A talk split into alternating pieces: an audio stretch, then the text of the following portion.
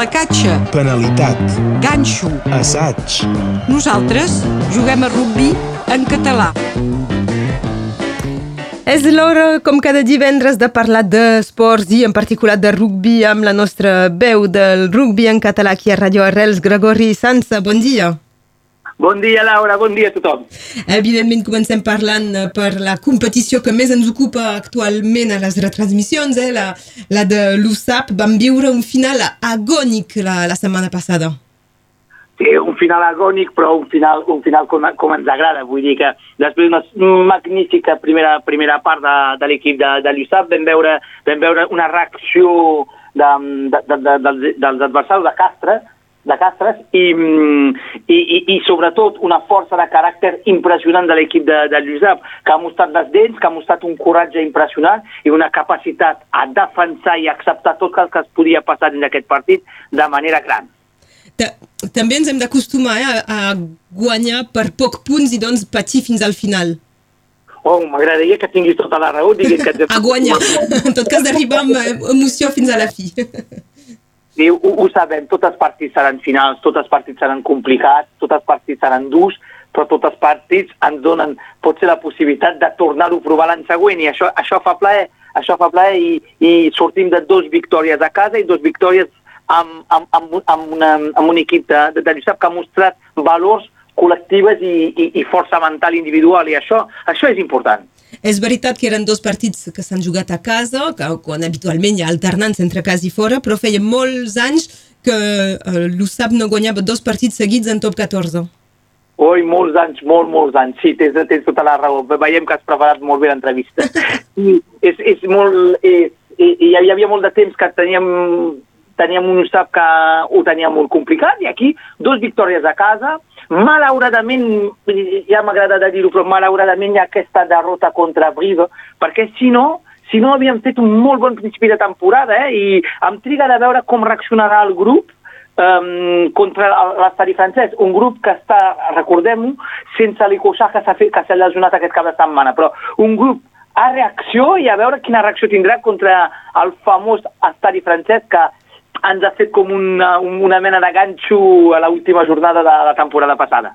Sí, l'estadi francès, que durant un temps era el, el, el millor enemic, podríem dir, aquest, eh, aquest dissabte a les 5 de la tarda a París. Com, eh, quins, quins seran els principals eh, punts d'interès d'aquest match? Doncs, eh, per, per mi, un, de, un dels principals cap d'interessos serà, serà de, de saber com reaccionarà i a veure si el Wichi aportarà tantes coses com ha aportat el primer partit que ha jugat.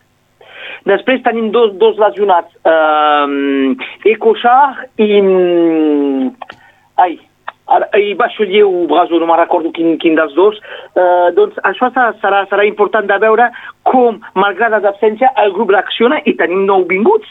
Tenim el Mogo que començarà a jugar eh, i a veure una mica el Junxaratze, a veure com, quin, quin, part, quin tipus de partit farà i veurem segurament a la, a la Miriel Dekmasha a veure si mostrarà les dents per, per començar a, a fer concurrència al, a, un, a un Ecojar que ha fet un principi de temporada impressionant.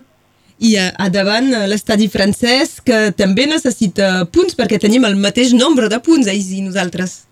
Molta gent té el mateix nombre de Sí. punts, eh, temporada, però la, la, la, la, gràcia és de veure un estadi francès amb un, amb un pressupost que és gairebé el triple és gairebé el triple i el més alt de, de, de, del top 14 i que, i que no se'n surt, millor, que no se'n sa- no surt millor que nosaltres.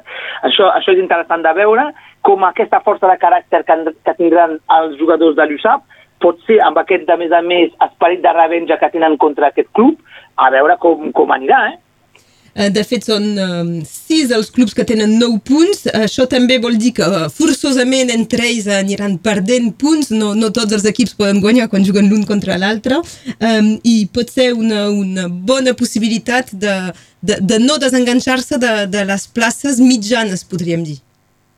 No només desenganxar-se de les places mitjanes, però quan, fas, quan, quan, quan jogues una temporada i que no estàs eh, mirant cap a baix perquè tens por de baixar i que, i que miris cap a dalt, també canvia l'esperit d'un grup i pot, ser, pot permetre al, al grup de viure millor i de, i i, i de poder eh, jugar més alliberats. I aquest equip de l'USAP ha demostrat que si joga alliberat, amb un, amb un TDR com hem tingut fins ara, um, a, a veure, podem ser al mig de la temporada i a poc a poc preparar els anys següents.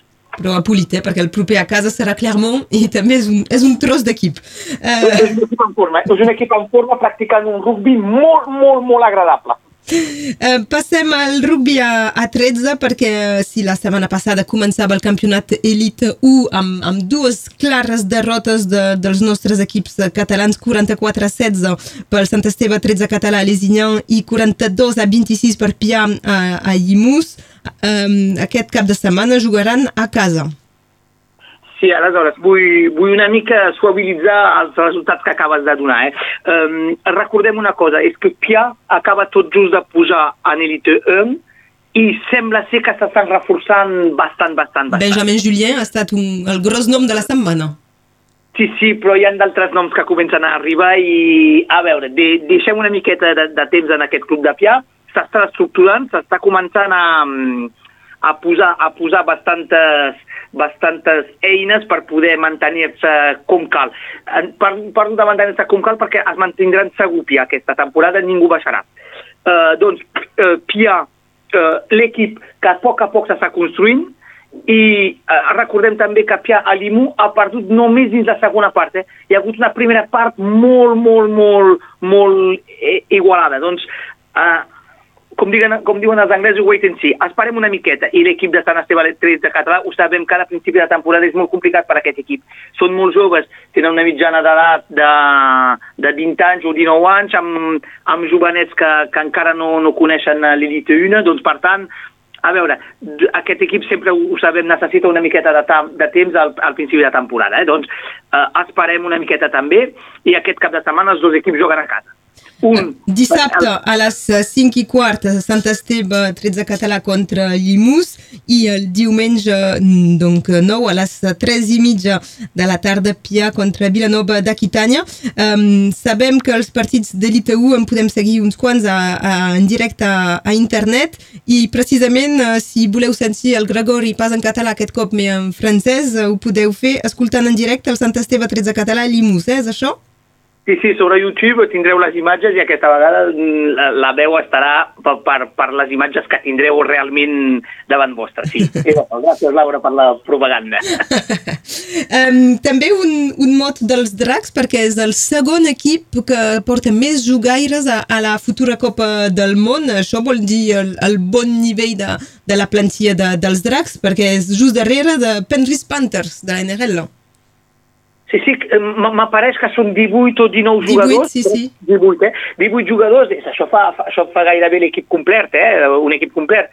Sí, doncs això demostra que, que l'equip de, de Drac eh, són capaços de, de, de, de, de, fer, de fer que, que, molts, que molts jugadors de molts llocs del món, del, del mapa món de diversos jocs aconsegueixen a conviure junts i a conviure bé a, a, a Catalunya. Per tant, molt, molt bona imatge això de, pel club de, de, de posar tants de jugadors tant de jugadors a la Copa del Món i sobretot amb, un, amb, amb bastants jugadors francesos, doncs mira, això vol dir que la formació està començant a, a funcionar com cal també i que els comencem a veure al més alt nivell, no només amb Dracs, sinó que amb l'equip de França, que recordem també que tenen jugadors que juguen la, super, la Superliga, eh?